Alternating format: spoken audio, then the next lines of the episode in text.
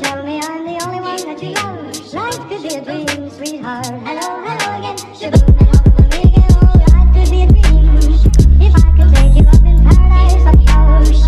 you love., tere ilusat hommikut, armsad kuulajad, mina olen Kris Kala ja te kuulate Ausad mehed podcasti. Eraldi sektsiooni või siis rubriiki kategoo-, kategooriat ja saadet nimega Inspiratsioonivalang. kell on natukene kuus läbi, minul siin täna neljapäeval ja päike vaikselt on tõusmas, siin äh, aknast näen ilusti, kuidas ta tõuseb mäe tagant, hästi ilus, mõnus, natuke on juba suvetunne peal ja ja varahommikud on ikka ilusad, et äh, kes ei ole oma silmaga varahommikuid väga palju elus kogenud, siis äh, ma väga soovitan, hästi mõnusad ja tekib, neis on midagi erilist, vot. aga täna on järgmine inspiratsioonivalang ja seekord on tõenäoliselt pikem inspiratsioonivalang kui viisteist, kakskümmend minutit, sellepärast et äh, nagu te juba teate, need, kes meid igapäevaselt kuulavad siin, siis inspiratsioonivalangut saate mõte on see, kus me üksinda, mina ja Martin siis jagame aeg-ajalt enda mingeid mõtteid mingite teemadega, meil tuleb midagi peale. ja, ja, ja mul on jälle üks hoog, hoog peal, kus ma soovin jagada teiega natuke sellist viimast kogemust, et äh, kui, kui te olete vaadanud äh, viimaseid äh, neid saateid ja kuulanud viimaseid saateid, siis te teate, et ma olen kaks korda siin äh, ausad meeste podcasti ajal või, või üldse selle aja raames mm, rääkinud selles mõttes äh, enda kahest viimasest äh, hüpnoteraapia kogemusest ja mida see mulle andnud on ja kuidas ma olen äh, läbi selle mõistnud iseennast natukene paremini ja, ja mismoodi ma olen suutnud lahti mõtestada mingisuguseid mustreid, mis on minus kaasas käinud. et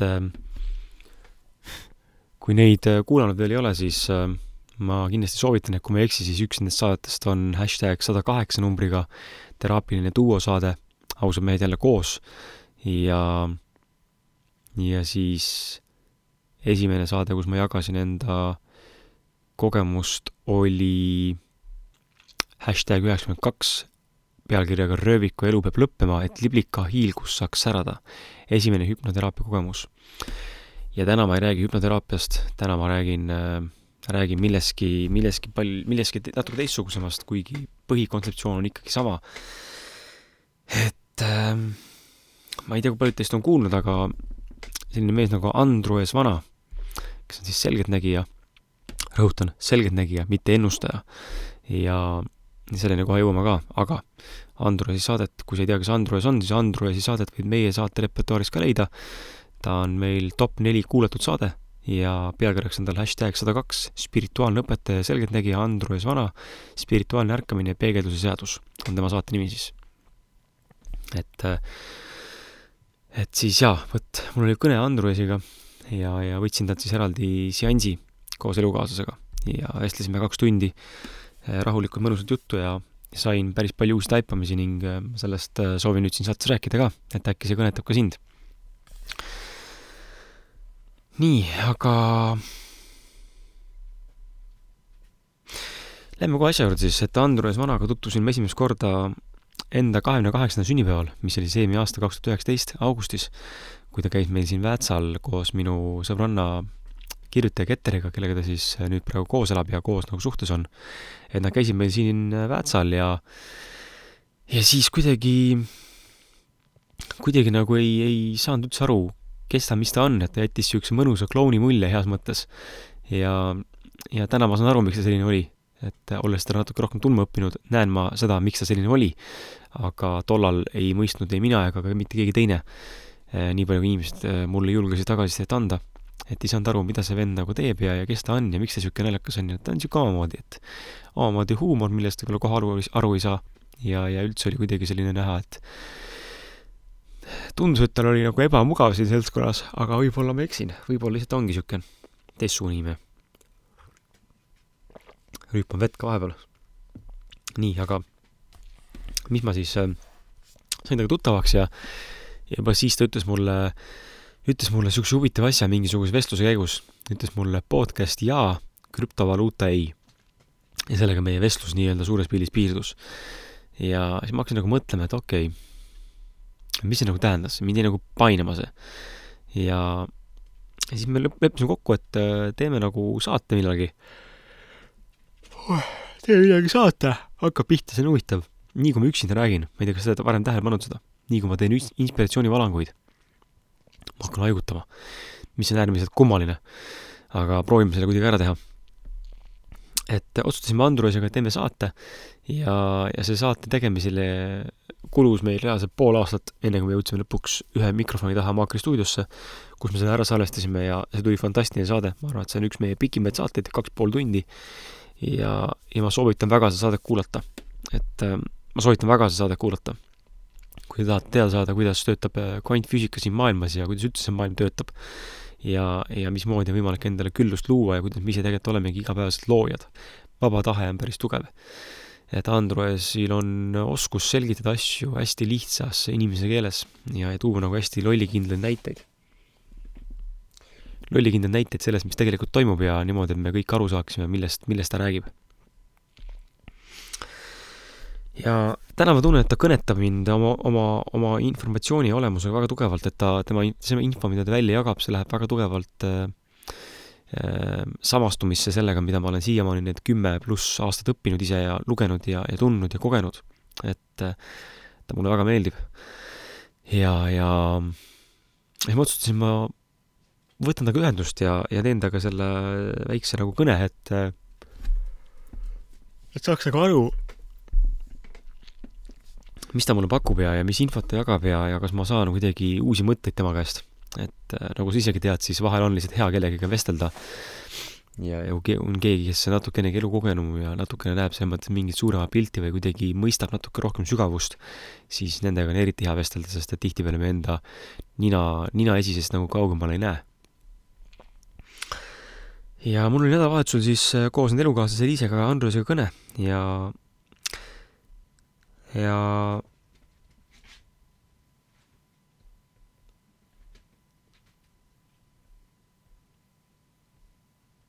jah, mõtlen, kuidas ma alustan, sest juttu on palju.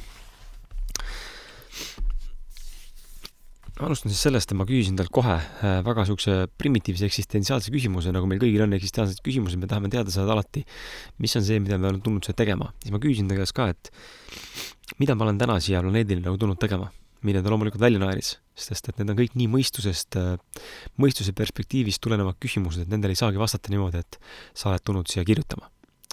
Või, või, või, või, või ma ei, ma ei tea, mida iganes, podcast'i tegema, et see ei käi niimoodi. ja ta selgitas mulle väga lihtsasti seda, et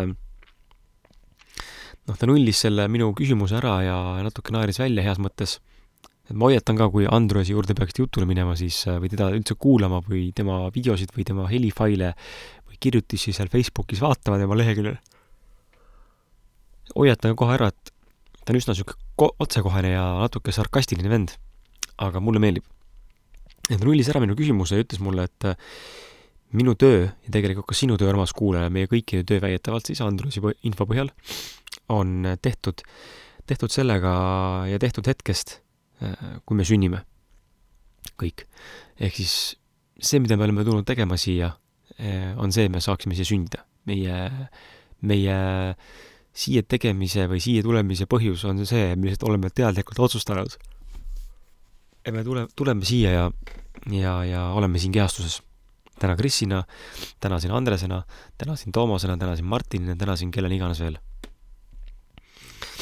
ja seda on nagu raske uskuda, sellepärast et mõistuse perspektiivist me tegelikult tahame otsida midagi sellist, mis ütleks meile mingi konkreetse tegevuse, mida me saame siis võrdusmärgina tõmmata selle juurde, et äh, no nii, see on nüüd meie elu eesmärk, meie missioon.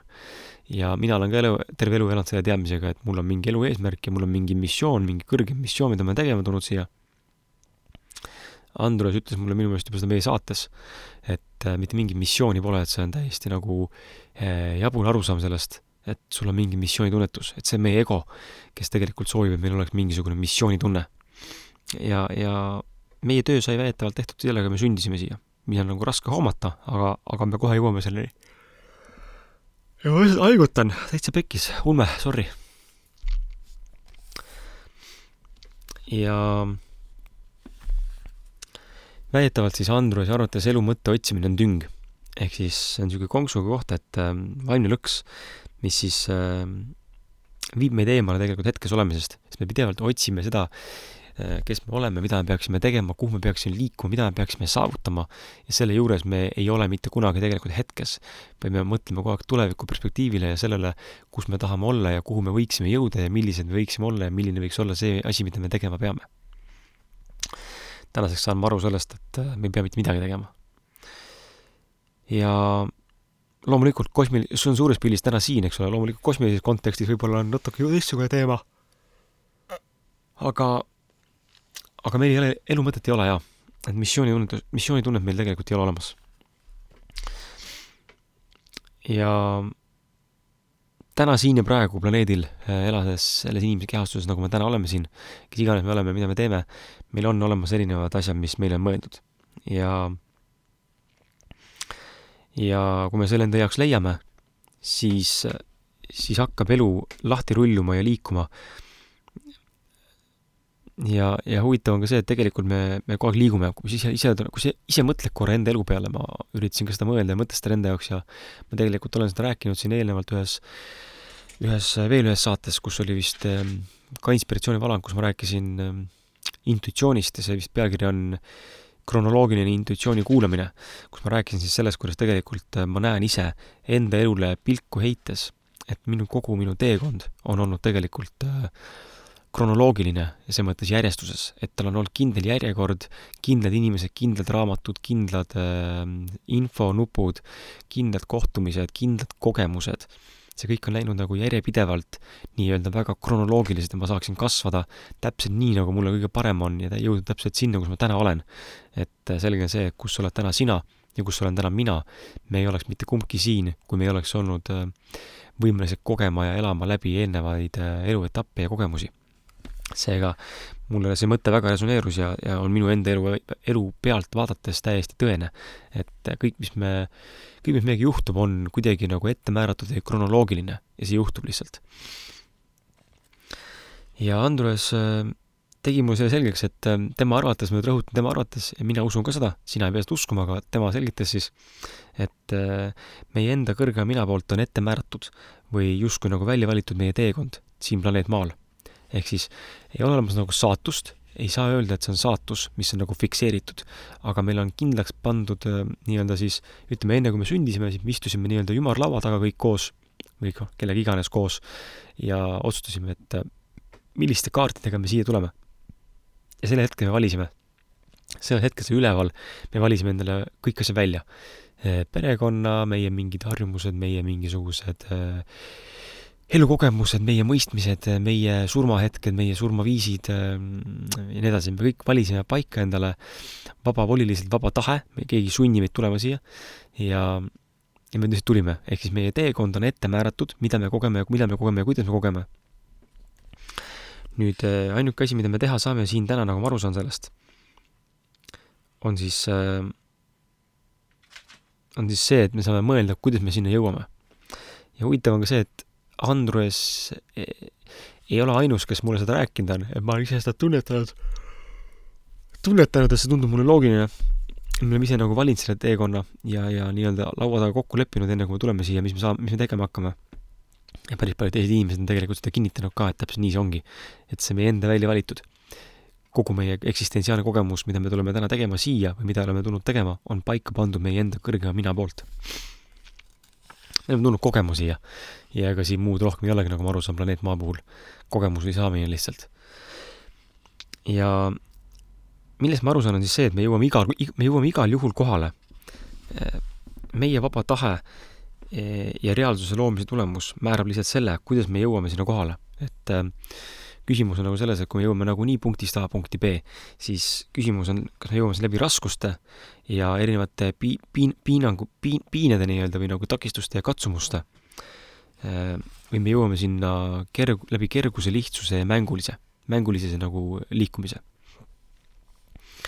ja ma ei saanud enne aru sellest, kui Andres oli sellest pikalt kirjutanud enda Facebooki postitustes.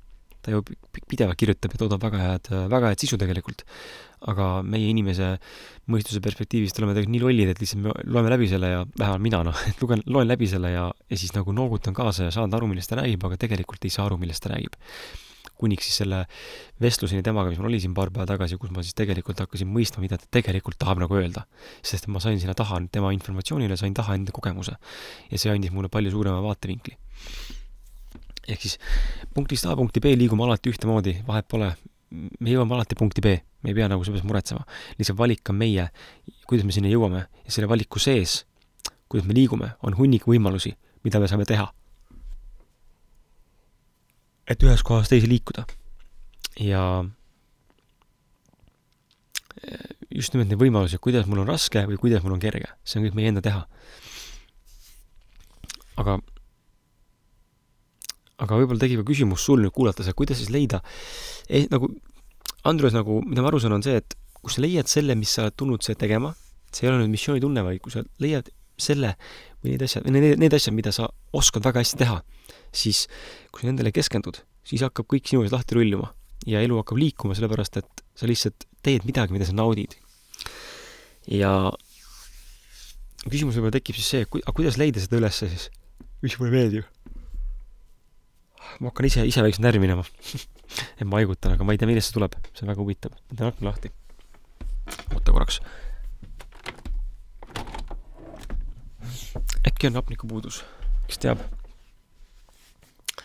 aga ühesõnaga, et äh, kuida-, kuidas leida seda, mis meile tegelikult sobib ja mis mõeldud on.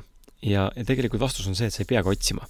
et äh, me tuleme selle juurde tagasi, et kõik on ette määratud, mis tähendab seda, et sa tegelikult ei peagi otsima vaid see tuleb nagunii sinu juurde mingi hetk sa jõuad sinna nagunii kohale mingi hetk, sa ei pea seda otsima, sest see on sul juba ette määratud, see juba ootab sind. on see, millest mina aru saan ja küsimus on lihtsalt see, kuidas kulgeda sellel teekonnal niimoodi selle oma asja suunas, eh, et kogemus oleks hea, positiivne ja kerge. ja, ja siin ma toon, toon sisse selle nüüd selle, toon nagu selle jutu sisse selle tunde, millest Andrus kogu aeg räägib ja mida me ise kõik oleme kogenud, me kõik oleme kogenud erinevaid tundeid. Ütleme suures laastus positiivseid, suures laastus negatiivseid, halba ja head. ja huvitav nüüd märgata seda, kuidas nüüd ma saan nagu aru, mida see tähendab.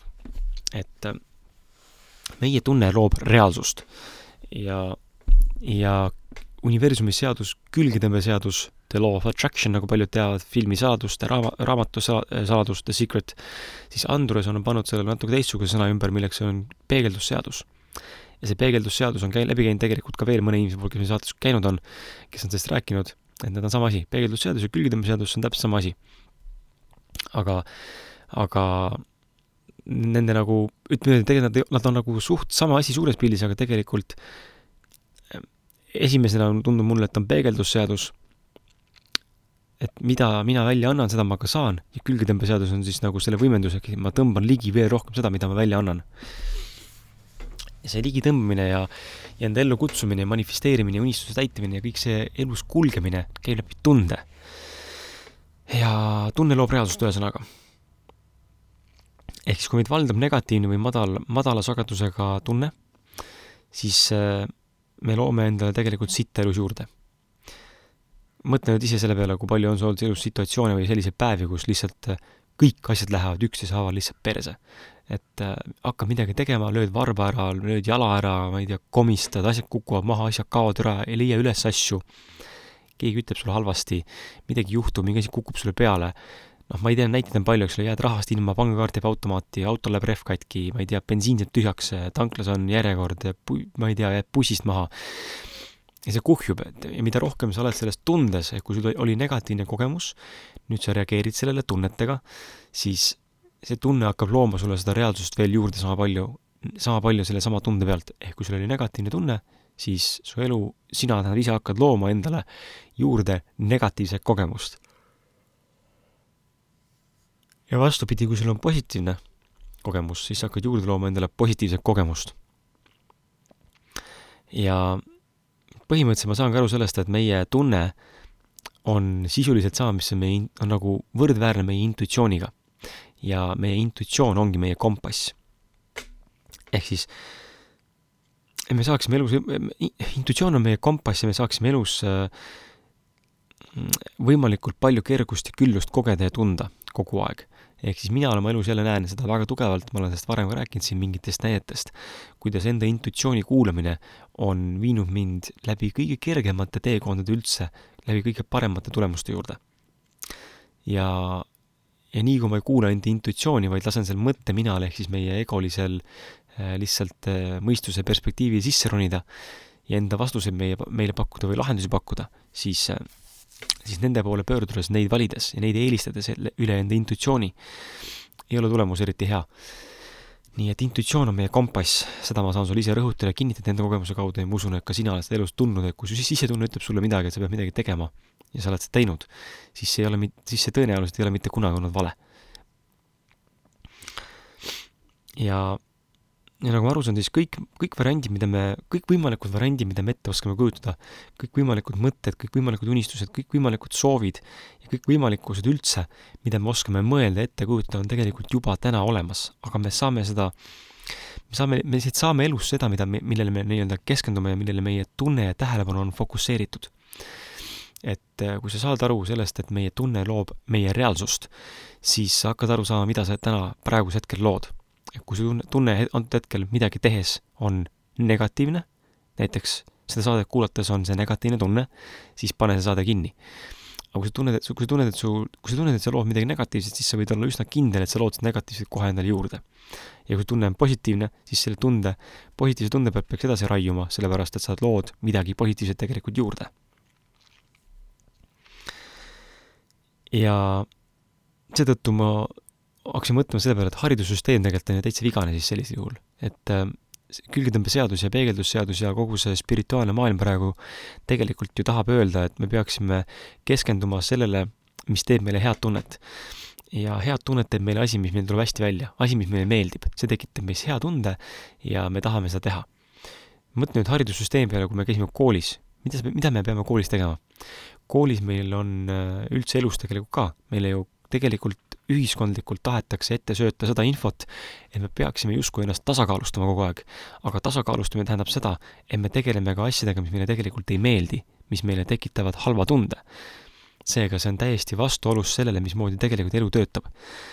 Ehm, nii nagu koolisüsteemi puhul peaksid lapsed keskenduma ainult enda tugevuste eh, kasvatamisele ja arendamisele, sellepärast et see on see, milles, millega nad lõpuks läbi löövad, mitte enda tasakaalustamisele, et muutuda keskpäraseks. siis tegelikult ka tunnetega on sama asi, et me peaksime ainult elus tegema seda, mis meile tundub hea, mis loob meile hea tunde. praegu, täna, nüüd ja praegu. ja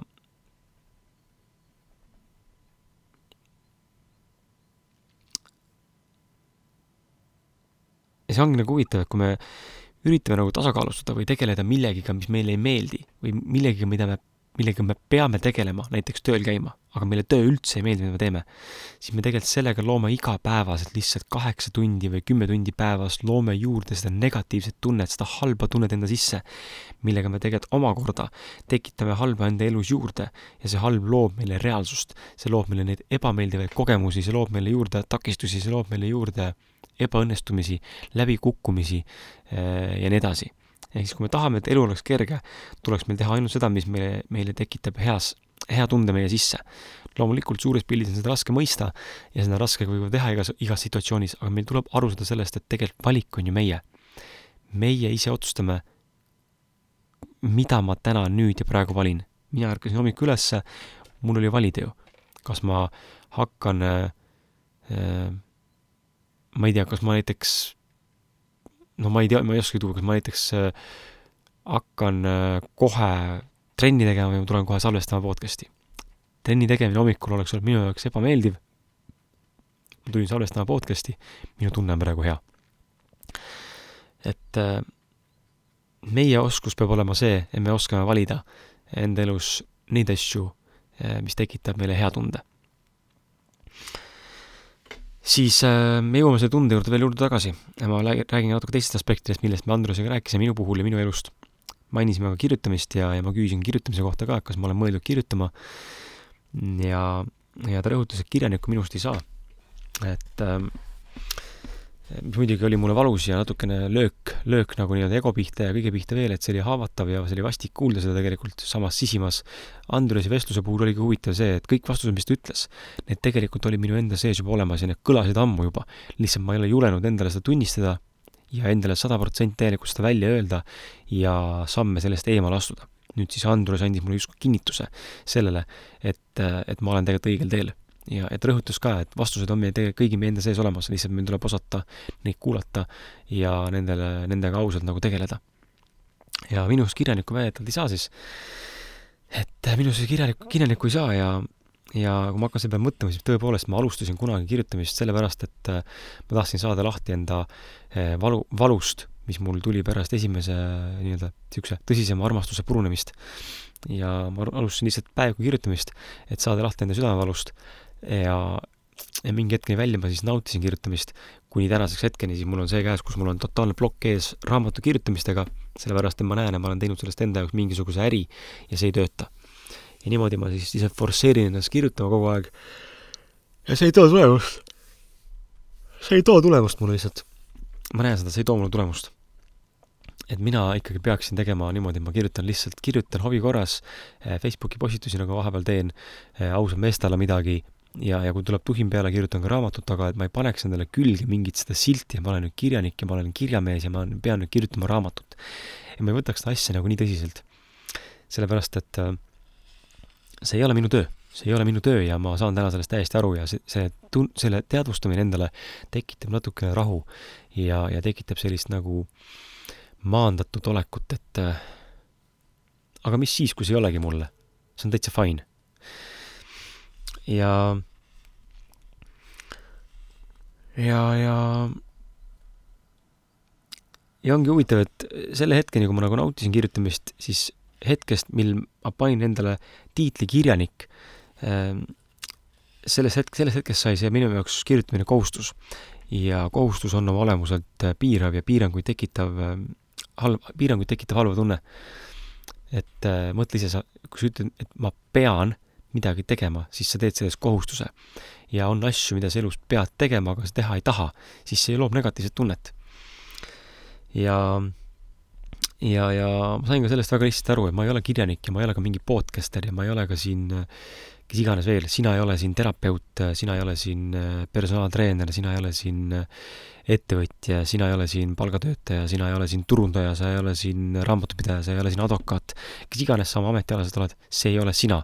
see ei tituleeri ega tegelikult näita ega, ega nii-öelda mõtesta sind. et äh, me oleme ikkagi kosmilised olendid nii-öelda ja ükski ametnimetus ei, ei saa meid mitte kuidagi sildistada ega tegelikult meid määratleda. see on lihtsalt miski, mida me täna siin teeme, aga see ei, see ei kirjelda meid nii et sellest tuleks lahti lasta. ja sama asja ütles Andrus ka mu elukaaslane ise, et tal on aiakujundusega mingi plokk tekkinud, ta on tegelikult ju professionaalne ja õppinud aiakujundaja. aga viimase aastatega mingi plokk, viimase aastatega mingi plokk ees ja tal on täpselt sama olukord. kõik sai alguse kunagi sellest, et ta lihtsalt istus oma aias ja nautis oma taimede keskel olemist ja nendega tegelemist ja peenrade rohimist ja lillede istutamist ja ja õunapuude lõikamist ja mis iganes veel. ja siis mingi hetkel ta pööras selle äriks, et nüüd on vaja raha teenima hakata. ja sellest hetkest, kui ta hakkas seda rahaks pöörama, eh, kadus ära kirg ja tekkis takistusi, tekkis stressi, tekkis pinget ja sellest ei saanud enam nauding. ehk siis hea kogemus muutus negatiivseks kogemuseks ja sellega ta lõi endale seda takistust juurde ehk siis ka tema peaks tegelikult äh, keskenduma ainult iseenda aiale, selleks, et tal oleks hea ja mitte keskenduma sellele, et teistele midagi luua, sellepärast et see ei ole see, mida tegelikult tegema peaks. Ehm, mida me tegema peame siis? see on nagu huvitav, mida me tegema peame siis?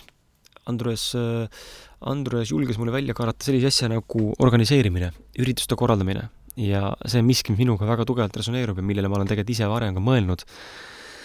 siin pärast esimest kahte Ausad mehed live podcast'i korraldamist, nähes, kui lihtsasti see mul välja tuleb ja kui vabalt kõik, kogu üritus koos piletimüügi, koos ruumide rentimise, koos külaliste suhtlemise, koos küsimuste moodustamise, koos saate salvestamise, saate lindistamise, remonteerimise, eh, piletiostjatega suhtlemise ja nii edasi, kõik, kõik, kõik, kõik see kokku, kui lihtne see minu jaoks tegelikult on, see lihtsalt, see lihtsalt tuleb, ma isegi, ma isegi iga kord, mõlemal korral ma olen tundnud, et ma ei ole mitte midagi teinud, et see õnnestuks, aga ometi on see õnnestunud ja saal on peaaegu täis olnud. et Andrus ütles, ta näeb, näeb mind organiseerijana ja ürituste korraldajana, et tõenäoliselt saab ka see podcast mingi hetk otsa.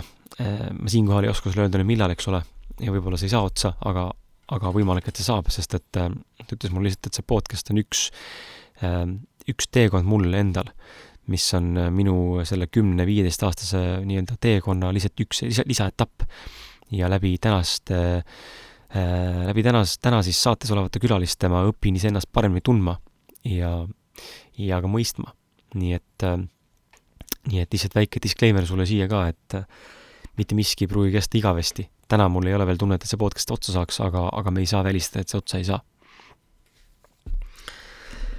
ja ma hakkan üritusi korraldama ja hakkan kontserte korraldama, et mida see tähendab, ma ei tea. sel hetkel, kui ta seda ütles, mul kratsisin pead, sest et ma ei tea, mis see tähendab. ja, ja ma saan tegelikult sellest aru ka, mis on huvitav, me otsime inimeste, ongi huvitav see, et tegelikult need vastused, mis me saame nii-öelda oma tuleviku kohta, need tegelikult ei aita meid mitte kunagi tänases päevas. sellepärast, et kui keegi ütleb mulle, minust saab kontsertide korraldaja, siis täna ma ei ole selleks valmis.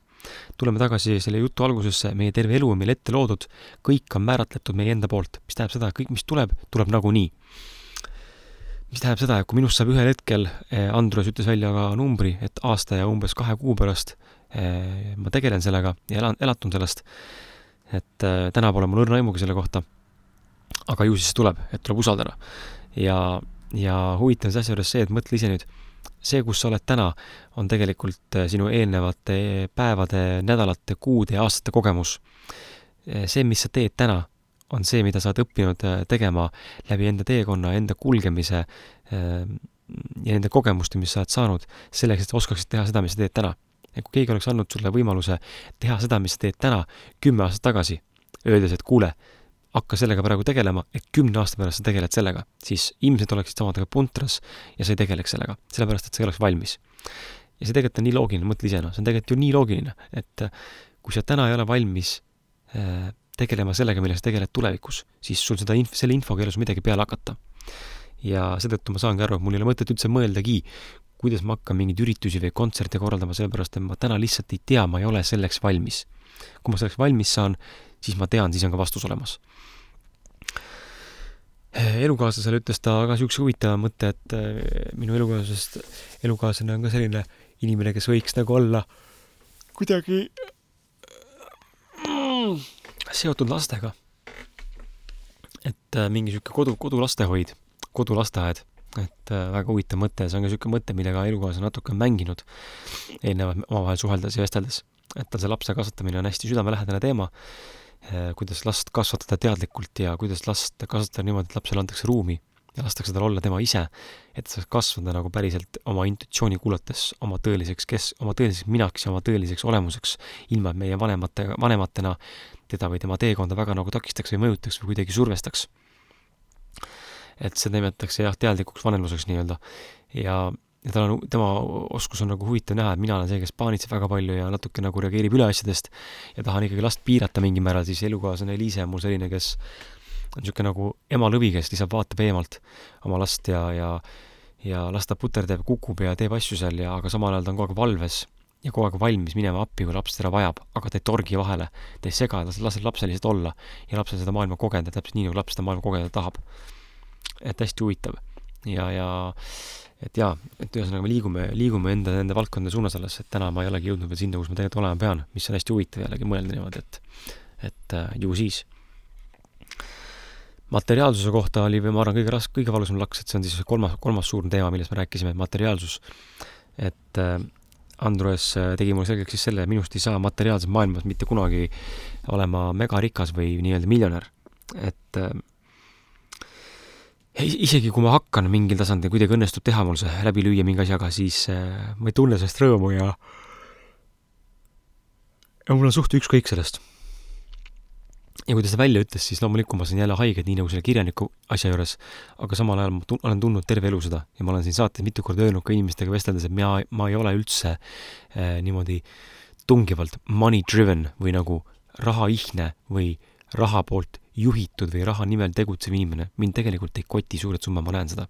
et kui mind oleks, kui mind ja Martinit, kes on ka saate kaas, kaashääl, kui meid oleks huvitanud ja ka armas sina, kui sina oled täna sellises olukorras, kus sul ei ole palju raha nii-öelda, oled nagu selles mõttes mitte üli, ülirikas inimene, siis kui meid kõiki oleks huvitanud eh, ropult pappi teenimine ja villades elamine ja, ja luksusautodega ringi sõitmine, siis, siis me täna elaksime seda elu siis me oleksime teinud niimoodi, et see elu oleks läinud selliselt. Aga kuna me oleme teinud teistsugused valikud ja me elame oma elu teistmoodi, mina reisin väga palju, äh, investeerin väga palju iseendasse, äh, siis, siis äh, see kõik näitab seda, et raha ei ole mu jaoks oluline. mind ei huvita, ma sõidan Škoda Roomsteriga aasta kaks tuhat kuus auto ja mul on täitsa pohhui. et mind lihtsalt ei huvita, ma elan elukaaslase ema majas pole, mul pole enda kodugi, mul pole enda kodu no viimased seitse aastat, sellepärast et ka Austraalias elamine on ajutine või oli ajutine ja seda ei saa nimetada koduks. Äh, mul ei ole kodu olnud kordagi selle seitsme aasta jooksul ja, ja, ja mul ei olegi seda ja mul on täitsa pohhu, sest et ma näen, et see ei ole minu tee. ja et äh, Andrus lihtsalt tegi selgeks mulle, et ma ei ole niisugune inimene, kes elaks suures majas, kellel oleks oma koristajad ja mingid oma riidekapid sisse ehitatud ja mingisugused suured raamaturiiulid ja mingid ulmeasjad, et see ei ole mina, suur maja ei ole minu unistus. see ei ole see, kes olen mina ja ma saan tegelikult täiesti aru sellest, see ei ole see, kes olen mina. et ka see mentor Indrek, kes mul on, ka tema mitu korda, mitu korda tegelikult omavahel vesteldes öelnud, et äh, ma olen niisugune boheemlane, et äh, ma ei olegi mõelnud olema, ta näeb ja tajub ka minu puhul seda, et ma ei olegi mõelnud olema mingisugune teab mis rikas või mis, mis kuradi väljapoole elav inimene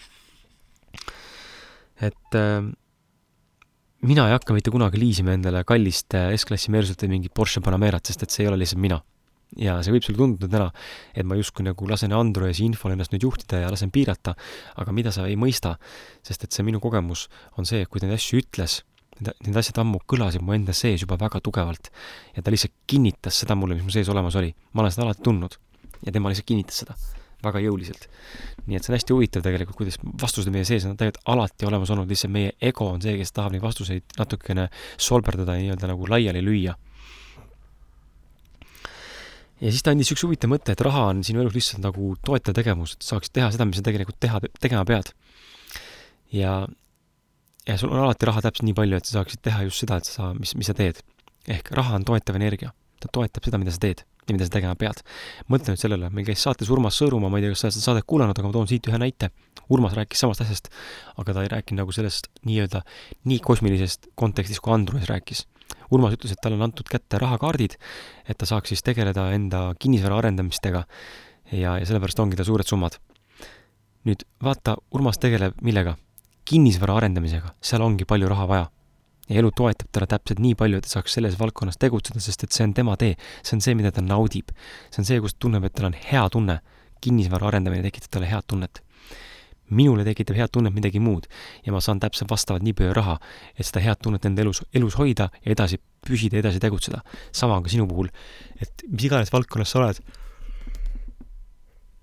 mis iganes mm, koguses, mis raha su käes on see kõik on, see kõik on selleks, et äh, toetada seda, kus sa täna oled.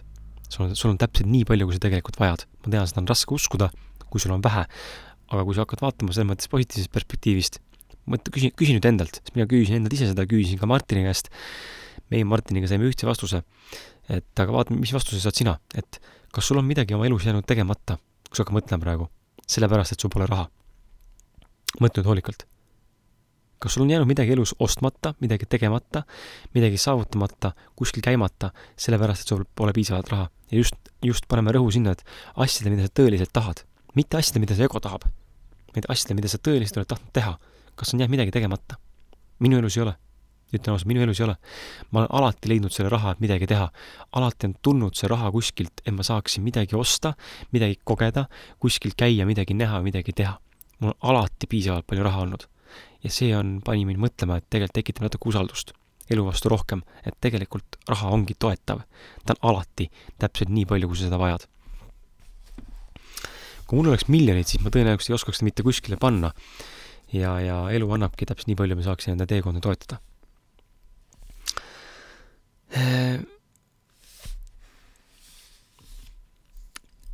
mis siis veel? noh, noh, mulle öeldi ka välja see lisaks kirjanikule, et, et ma ei kuulu ka lavale ja, ja minu hääl ei olegi mõeldud nagu laia, laia tarbekaubana, et praegu ma siin teie oma häält jagan siin podcast'is, aga aga minust ei saa kunagi mingit spiikerit, mingit kõnelejat lava peal või mingit esinejat mingit koolitajat. ja ma olen täitsa nõus, tunnen, ma ei tahagi seda, see ei olegi mu soov enam. vanasti nooremana oli, sest et see oli egopõhine, ehm, siis kui ma esimesed lavakogemused sain, tänu esimestele, esimesele raamatule, siis mul oli kõva egotripp, see on kaheksateist, üheksateist aastasena täna ma näen, et mind tegelikult ei koti üldse niisugune asi nagu inimeste ees vestlemine või nende ees olemine. kui keegi mulle pakub seda, siis tore, ma võtan selle vastu, kui ma tunnen, et see tekitab minus hea tunde ja mulle tundub, tundub see õige asi olevat, aga ma ennast ise nagu kuskile pressima ei hakka. tõi nagu, ja me ütles, Andrus nagu tõi ka hea näite, et ma peaksin seda podcast'i paugutama ja ta on mulle seda varem öelnud ka, ta ütles mulle saates ka seda, kui me salvestasime temaga ausad mehed podcast'i saadet, ta ütles mulle ka, et ta ei saa üldse aru, miks ma millegi muuga tegelen, et see, ma peaks tegelema ainult podcast'iga ja tõi nagu hea näite mulle, et äh, ma või, ma peaks panema ühe, praegu panen üks kord nädalas podcast'i välja. Martiniga teeme üks kord nädalas, iga reede tuleb podcast, uus episood, et tegelikult ma võiksin panna kas või kolm korda nädalas välja seda. ja peaks täiega tegelema praegu sellega. ja siis ma hakkasin mõtlema, et tõepoolest, aga miks mitte, ma võiks panna kas iga päev välja ühe episoodi ja see võib sulle tunduda praegu absurdne, et issand jumal, iga päev üks episood, aga turunduslikus mõttes on ju täiesti mõttetu, et sa raiskad ju nii-öelda nagu oma content'i iga päev paned ühe saate välja, kes jõuab neid kuulata, nii edasi. aga vaadake, ma nüüd saan aru sellest, et kõige olulisem siin elus on see, et ma tunneksin ennast hästi. ükskõik, mida ma ka ei tee, oluline on see, et ma tunneksin ennast hästi. mis tähendab seda, et kui ma naudin podcast'i tegemist, siis ma võiksin seda teha nii palju, kui mu süda lustib, sest et see tekitab minus hea tunde ja hea tunne loob meile head asju elus juurde. me ei elame iseendale, meil ei ole vaja mõelda sellele, mida keegi teine arvab meist, sellepärast et ainult meie tunne on see, mis loob meie reaalsust. me oleme inimestena jah, osaliselt kollektiivselt siin seda kõike kogemas, aga samal ajal oleme individuaalselt kõike siin kogemas ja meie ise loome enda reaalsust mis tähendab seda, et kui mulle tekitab hea tunde see, et ma laen iga päev ühe uue episoodi välja, mida ma kindlasti praeguse seisuga tegema ei hakka, aga kui see ühel hetkel juhtuks, siis sa, sa palun tea seda, et ma teen seda sellepärast, et mul on hea tunne. ma naudin täiega siin teie ees olemist. ma naudin täiega, ma saan mikrofoni rääkida. mul on äärmiselt mõnus tunne, kui ma saan salvestada uue episoodi. ja, ja mis on selles asja juures huvitav, mõtle nüüd selle peale, kas sa oled näinud inimesi enda elus, ma arvan, et oled, mina kindlasti olen. inimesi, kes näiteks teevad midagi elus, mis tundub täiesti absurdne, aga tal töötab. ja kui sina hakkad sedasama asja järgi tegema, copy-paste'ina nii-öelda, kas siis turundust või trenni või mis iganes liikumist, sa hakkad sama asja järgi tegema, mida tema teeb, sest tal töötab, siis sul see ei tööta. vahet pole, kui palju sa pressid, siis sul see ei tööta. ja see täpselt niimoodi ongi. see on sellepärast, et tema teeb õiget asja, sina ei tee minu kõige parem näide on Youtube. ma ahmisin Youtube videosi sisse, kuidas monteerida paremini, kuidas teha ägedamaid klippe, kuidas teha paremaid kaadrivahetusi, sujuvamaid kaadrivahetusi, õppisin Eesti tippudelt, kopeerisin Eesti tippe, välismaa tippe, aga minu kanal ei kasvanud, lihtsalt ei kasvanud üldse Youtube'is. ja lõpuks ma mõistsin, et tegelikult ma ei pea Youtube'i tegema ja ma lasin sellest lahti. ja ma lasin lahti läbi nutu, läbi valu selle lahti, sellepärast et ma lihtsalt olin nii, nii tugevalt kinni, hoidsin kinni selles, sest ma arvasin, et äh, egoistlikult arvasin, et see on minu tee. see ei olnud minu tee. ma lihtsalt pidin silmad avama, et see ei tööta. sama on sinu puhul. et äh, see, et kui mul töötab, minul, see, et kui mõni ütleb, et see ei tööta, seitse korda nädalas teha podcast'i, siis ma garanteerin, et kui mina hakkaks tegema seda, siis see töötab. ja täpselt nii see ongi, sellepärast et podcast on praegu minu jaoks õige tee ja õige asi, mida teha. ja see tekitab minus hea tunde ja, ja hea tunne loob reaalsust juurde ja täpselt nii lihtne see ongi. et äh, kõik on võimalik, absoluutselt kõik on võimalik, ma hakkan ka aru saama sellest, et absoluutselt kõik on võimalik, kui me ise sellesse usume ja kui me oleme leidnud selle, mis meile tegelikult teha meeldib ja mis meis tekitab selle hea tunde. ma jätan sulle meelde, ma rõhutan uuesti kogu aeg, sest ma hakkan aru saama sellest, mida see Andrus, kurat, võtaks kogu aeg, kogu aeg rõhutab. hea tunne, tunne loob meie reaalsust. ja mis ma siis veel saan jagada, mis me siis veel tegime? Vaatame kohe, mis ma siis veel tegime siin, temaga rääkisime mm,. noh, ka siin elamise kohta rääkis seda, et ärakolimine, et äh, eks me, me peaks, peame ära kolima, seda meile see terapeut Ants ka öelnud, ise tunneme ka, et me peame tegelikult elu, ära kolima ja iseenda eluga alustama. mingi hetk me teeme ka seda, täna ei ole lihtsalt rahaliselt võimalik. et täna on lihtsalt rahaliselt nii hapuseis, et mul ei ole võimalik isegi korteri sissemaksu ja ettemaksu ja koos seda kõike kinnisvara nende maaklerite tasu maksta koos esimese või kahe kuu üüriga, et lihtsalt ei ole seda raha võtta praegu. et ma olen oma, oma investeeringud teinud äh, krüptosse ja, ja ja lihtsalt ei ole võimalik võtta seda raha, et ära kolida. mis, mistõttu ma karjun välja siin, et kui sa praegu kuulad ja sul on pakkuda mulle korterit ilma maakleri maksuta või, või mis iganes veel, et siis ma olen avatud. et äh, otsime endale praegu elukaaslase korterit, oleks hea, kui see oleks terrassiga ja, ja või vaikses piirkonnas. kuskil Murastes, Tiskres, äh, ma ei tea, Viimsi, Pirita, Kadrioru ääre peal Rae vallas, Peetris, midagi niisugustes kohtades. aga ühesõnaga, miks me ennast siin hästi ei tunne praegu siin majas, kõik on ju okei okay,, meil on maja kahekorruseline, teine korrus on renoveerimisel endiselt veel, meil said rahad otsa mingi aeg, aga vaikselt nikerdame.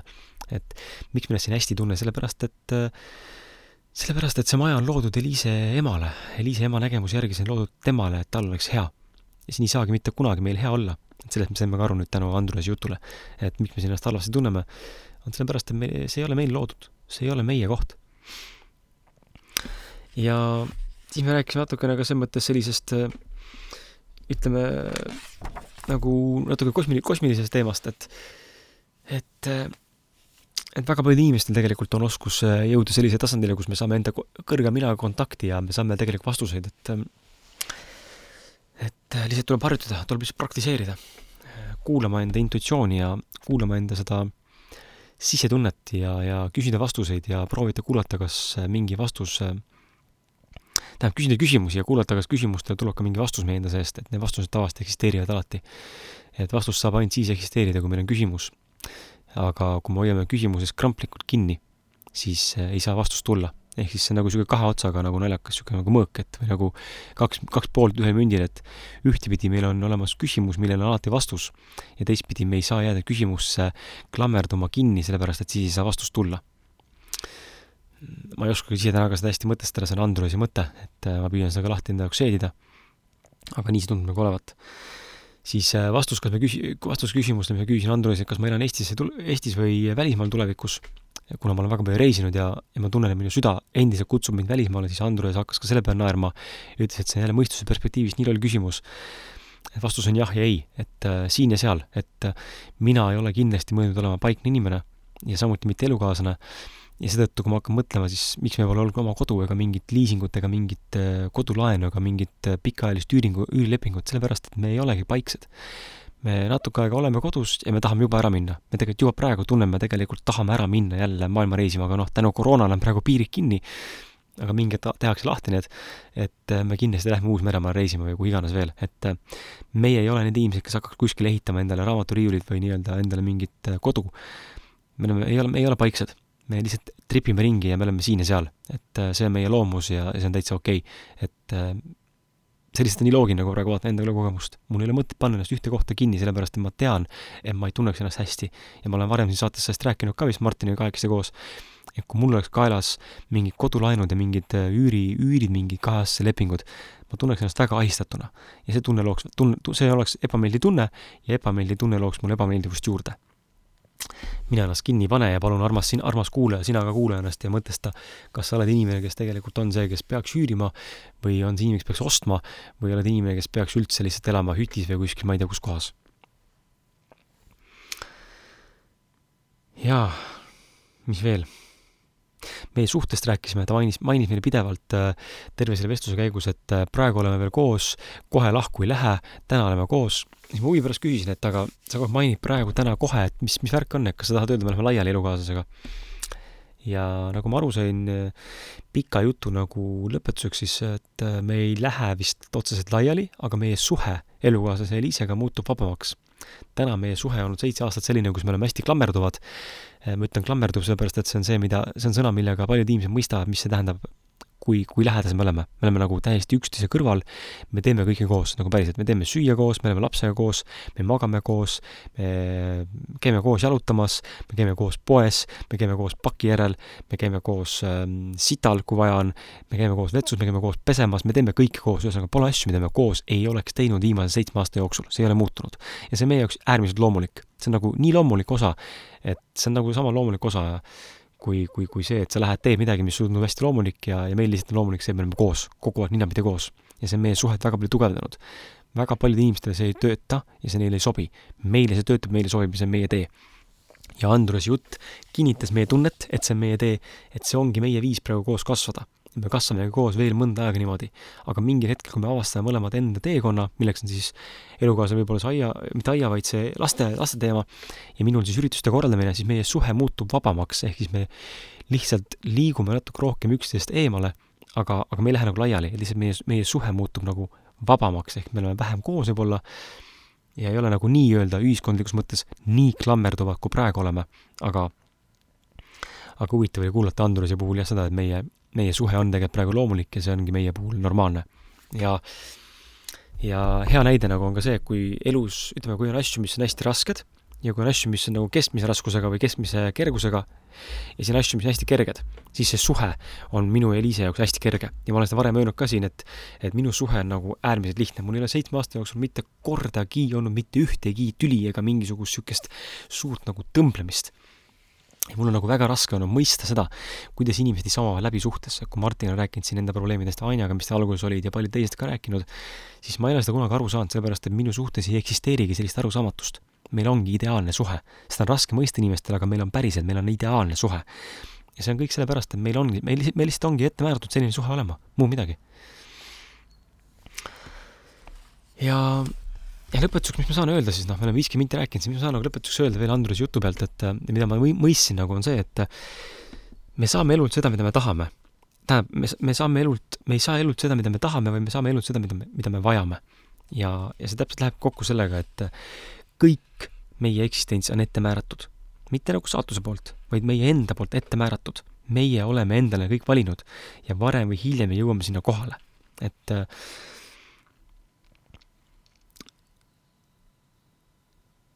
noh, võib-olla tekib sul küsimus, et aga, aga mis saab siis, kui noh, praegu vaata näiteks on niisugune olukord maailmas, kus kriisi tõttu ettevõtted on nagu väga suures raskuses ja inimesed tegelikult üldse meil on väga raske praegu. Ja üldse, kui elus on et, el, olukordi, kus sul on raske, sa pead midagi tegema, et sellest raskust üle saada, pingutama, eh, tunned stressi ja nii edasi, et siis kas see on nagu vale asi või, et kui ettevõte hakkab nagu kehvasti minema, et et kui ei tööta, panen siis, panen siis eh, nurka ära ja pillik kotti vastus on äh, lühike, et äh, kuulame tunnet.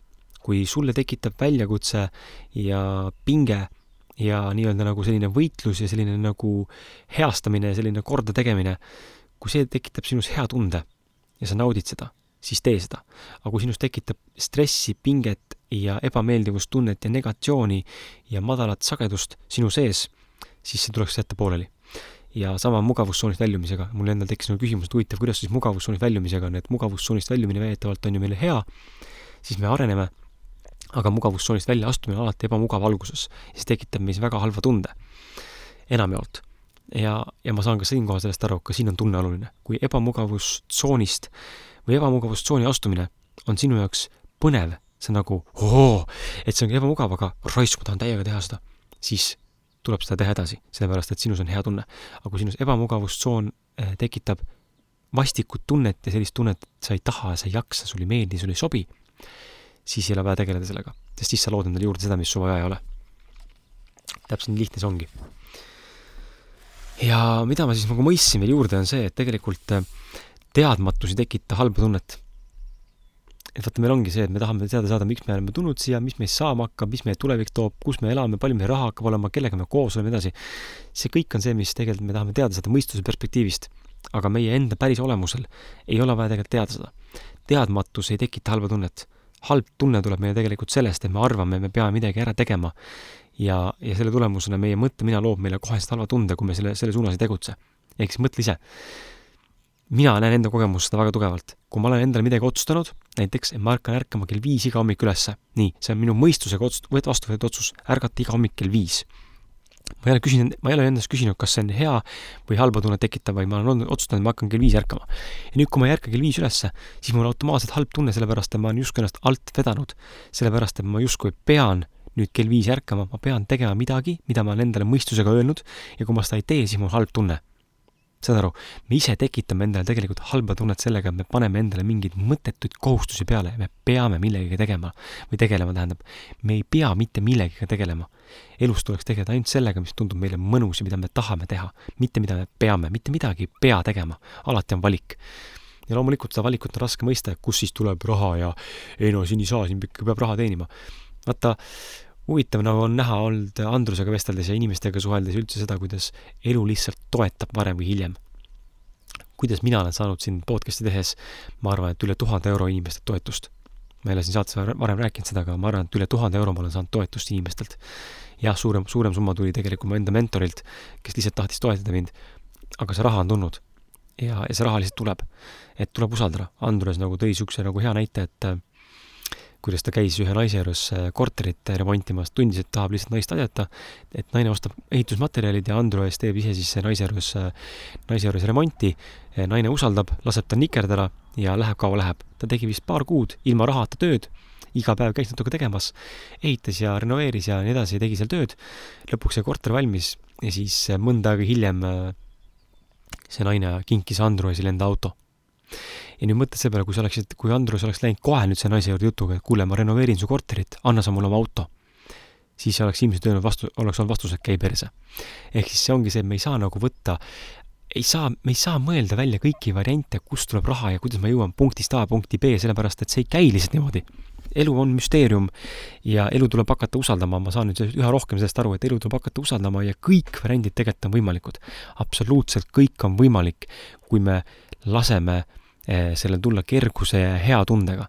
oluline on lihtsalt see, et me tunneksime ennast hästi, siis see kõik ümber olev maailm ka toetab meid ja meie teekonda. ja ja see ongi huvitav, et see mõtte-mina ehk ego soovib kõike teada. tegelikult tuleks meil lihtsalt usaldada ja lihtsalt, lihtsalt kulgeda, nagu ütleb ka minu mentor Indrek, lihtsalt kulgeda igapäevaselt see ei tähenda, et sa ei tee mitte sittagi, teed küll, aga sa teed just seda, mis sulle meeldib.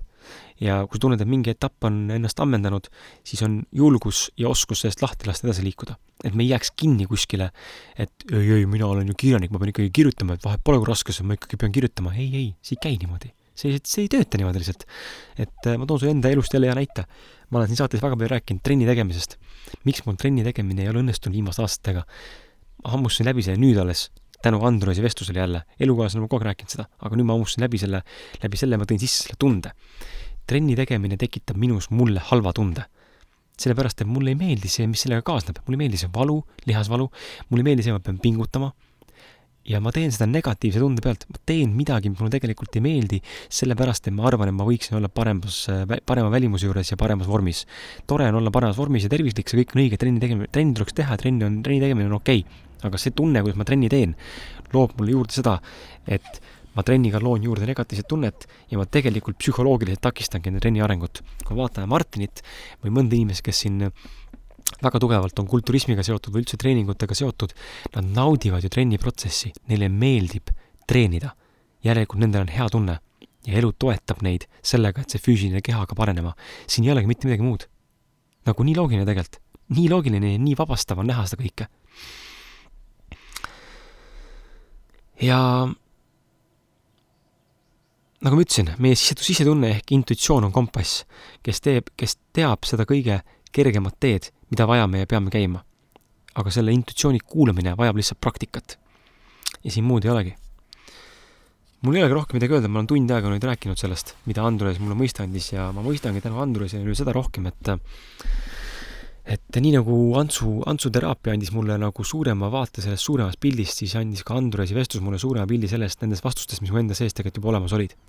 ja nüüd mul on julgus ja ka soov neid, neid samme vastu võtta ja asju, mis ei teeni mind, kõrvale lükata ja, ja ma katsun nüüd juba, juba, ma arvan, juba kolmandat päeva vist elama selle tundega, et ma teen ainult seda, mis mulle meeldib. ma teen ainult seda, mis mulle hea tunde tekitab. ja ja täpselt nii ongi ja ma vaat-, ma nüüd katsetan ja vaatan, mis sellest saab. kui ma jätkan niimoodi elamist ja ma teen ainult seda, mis mulle meeldib. ja ma teen ainult seda, mis mulle hea tunde tekitab. sest et siis peaks elu looma mulle juurde kõike seda head ja kõike seda meeldivust. ja see, kas see meeldivus hea tuleb läbi raha või, või läbi armastuse või läbi suhete või mingite kogemuste, see ei ole üldse see, et selleks, et raha saada, nagu ma täna aru saan, selleks, et raha saada, me ei pea keskenduma sellele, kuidas raha juurde luua või me ei pea tundma ennast raha osas hästi, nagu me räägitakse, et tunne ennast, et sul on palju raha ja tunne, et raha on hea. ei, ei, see on täitsa absurd. kuidas ma saan tunda, et raha on hea, kui ma olen, minu sees on väga tugev vaesuse mentaliteet? sa ei saagi. ja sa ei saa, ei saa ka sina. aga sa saad tunda ennast hästi, kui sa teed seda, mis sulle igapäevaselt meeldib. ja kui sa tunned ennast hästi ja sa teed seda, mis igapäevaselt meeldib, siis varem või hiljem hakkab ka raha sind toetama, sest nagu ma saate alguses ütlesime või saate keskel, raha on toetav energia, et sina saaksid teha seda, mis sulle tegelikult parasjagu meeldib ja sulle sobib. jaa, Andrusest jäi mulle lihtsalt meelde see, et võta asja kergusega. Ja, ja ma võin kõlada nagu Andrus, aga ma nagu reaalselt saan, reaalselt saan aru, mida ta nüüd mõtleb, et äh, hämmastav tegelikult, kui lihtne see on. võtta asja kergusega, ära stressa, tee seda, mis sulle meeldib, vaata, et sul oleks hea tunne ja, ja unista ja visualiseeri, kui soovid, loomulikult see on osa mängust ja seda võibki teha, aga ei tasu nagu kinni jääda mingitesse fikseeritud äh, näilistesse lahendustesse, mis sulle pähe kargavad, et ainult sealt tuleb. raha võib tulla mitte ainult ühel, vaid kümnel erineval viisil. lihtsalt sa ei näe neid täna. ja, ja muud siin ei olegi. ja võtta enda kogemust kui tänast lihtsalt ühte osa enda teekonnast.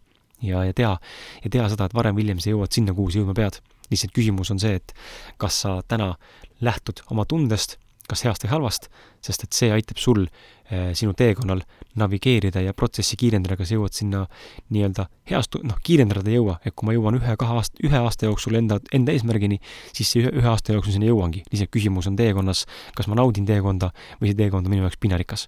see ongi sinu valik. ja see on kõik, mis me teha saame iga päev kas me naudime teekonda või meie teekond on pinarikas, aga kohale jõuame nagunii. kõik teed viivad Rooma, küsimus on, kuidas sa sinna lähed. Vot, lõpetuseks äh, küsi endalt äh, selline küsimus, et äh, miks ma kardan teadmatust ja miks mul on hirm teadmatuse ees. sest et teadmatus ei tähenda halba, teadmatus võib tähendada ka positiivset, sest et me ei tea, mis tulevik toob.